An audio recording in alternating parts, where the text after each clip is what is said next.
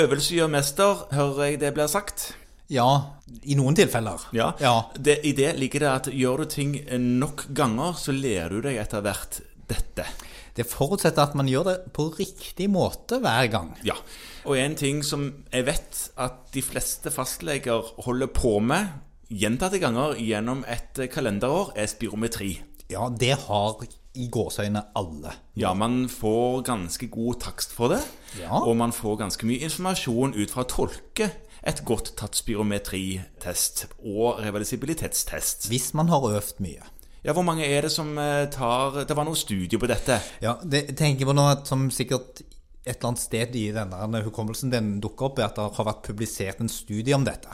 Og Ja. det, det er en ganske sånn morsom studie, for det er da en, en samarbeidsstudie mellom NOKLUS Mhm. og NFA, Norsk forening for allmennmedisin. Så det er liksom våre folk på mange måter. Ja, og, og, og de fant ut at de fleste fastlegene har tatt en eller annen spirometritakst det siste I året. 2018 så var det 97 av fastlegene som hadde sendt takst for spirometri til Helfo. Altså alle fastlegene tar spirometri. Det kan vi i grunnen si. Ja. Og det de var interessert i, var kan fastlegene spirometri? Ja, men jeg sa jo nettopp at eh, jo mer man gjør ting, jo bedre blir man. Så man vil jo tro at fastlegene kan spirometri. Ja, i så fall må de gjøre det litt mer. For det de fant i den studien var ikke sånn superoverbevisende. Få høre. Nei, altså det de, For det første så var det jo en sånn 600-700 som svarte.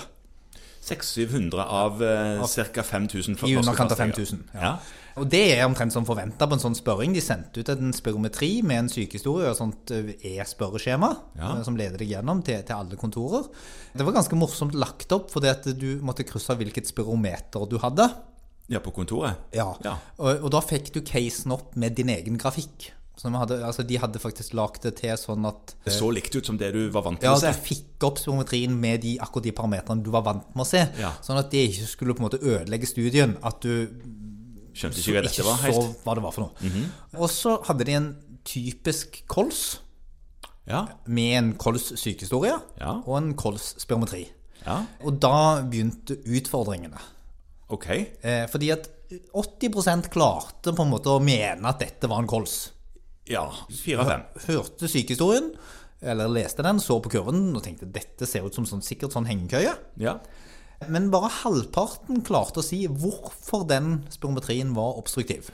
Å ja, så de hadde en slags sånn kols-følelse? Den, Det Ja. kliniske skjønnet sa Jeg- kols uten at de helt klarte å pinpointe det? Og og det kliniske skjønnet var jo ikke så verst, altså Nei, det var sånn sett. Men det er, er Nå er det sånn at kols har et ganske greit definert eh, diagnosekriterium. Det er da en eh, E FEV1 over FVC-ratio på under 0,7 etter reversibilitetstest tatt i stabil fase. Ja, sant. Men etter reversibilitetstest, ja. Ja. Og der ble det enda verre. For det var kun en fjerdedel, 26 som ville ha gjort en reversibilitetstest. Sånn at det som framkom ganske tydelig, var det at den norsk, i hvert fall de som svarte på studien, de hadde ikke helt klart for seg når de svarte på studien, hva som er diagnosekriterier for kols. For man kan egentlig ikke stille kols uten å ha tatt reversibilitetstest. Nei, det er sant. Men samtidig så hadde de jo dette veldig gode allmennmedisinske kliniske skjønnet, som overkjørte denne her reversibilitetsbehovet. Men igjen så er det jo litt sånn da at for noen diagnoser så er det jo noen kriterier. Det er ikke sånn heller at du kan kikke litt på pasienten og tenke at nja, du er nå litt overvektig og syns når det lukter litt søtt av urinen din, så jeg tenker du har diabetes, jeg. Ja. Nei, du kan ikke det. Jeg skjønner det. Du kan ikke sette de på kolesterolsenkende medisin heller. Nei. Uten å ha sjekka det. Hvis de har veldig mye santelasmer. Ja, nei, selv ikke det. Sånn at det er noen kriterier. Ja. Og det andre som var og, eh, litt sånn tydelig resultat i studien, var at 90 kunne ikke kriteriene for en signifikant reversibilitet av de som svarte. 90 av de. 90 av de kunne ikke kriterier for hva som er en positiv reversibilitetstest. Og hva Som er, at- det, hva er det igjen? det er altså da at FEV1 stiger med mer enn 12 Ja. og 200 milliliter.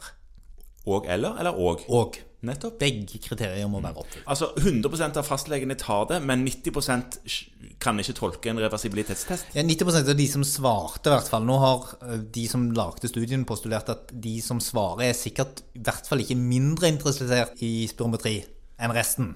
Nei, det er jo en fin måte å sikre at eh, resultatene i alle fall ikke kan være noe Hvordan blir det? De Dårligere. enn- kan ikke være dårligere enn dette. Nei. Sånn at i utgangspunktet så, så tenker en at det er litt sånn bekymringsfullt kanskje at vi gjør en undersøkelse i så stor grad, og ikke kan den. Det er jo, altså som, som forfatteren skriver, så er det sånn at det er jo forståelig at dette er vanskelig, men det viser at det er et behov for at vi kurser oss mer. Ja, det kan du si. Og så kanskje involvere seg litt grann mer i eh, spirometri, selve testen. I alle fall eh, ikke på alle pasientene, men litt innimellom, sånn at en ser og er med på eh, selve prosedyren òg. Ja, Kan Eh. være greit å ikke være fremmedgjort for den. Absolutt. Der ligger det jo også altså, at ha- pff, en god halvpart visste jo ikke hvilke spirometer de hadde på kontoret engang. Nei, sant? De visste at de hadde et eller annet på et kontor som folk blåste i. Ja. Ja. Og det er kanskje ikke så rart, det er ofte medarbeiderstyrt. Jo da, Men det det kan du si. viser nok allikevel at vi tar litt lite ansvar for denne undersøkelsen. En del av disse spirometri-programpakkene leverer jo ut en hel bråte med parametere det er bare egentlig å deaktivere, for eksempel. Ja, ja, der kan jeg jo da si at der vet jeg på en måte at noen grupper, bl.a. Lungepraksis, fordi den jobber i et samarbeid med leverandørene på å prøve å få de til å fjerne alt det der rotet Ja. Mm. ved installasjon. Eh, Så der pågår det faktisk et interessant arbeid som, som, som går på å prøve å få gjort spirometriutskriftene, både på skjerm og i papir, mye mer lesbare for, eh, for allmennleger, og der en skal fjerne alt som en ikke trenger. Det som blir støy. Ja, Ja. Sånn at det som på en måte er konklusjonen i den studien er at selv om alle tar spirometri, så kan veldig, veldig få tolke det fullt ut, og altfor mange har mulighet til å lære seg mer. Det kan jo være at vi tar for få. Eh, Det tror jeg nok vi gjør. Altså, vi følger nok for mange lungepasienter for sjelden opp. Behovet for litt sånn faglig oppdatering og påfyll, det fremstår å være til stede. ja.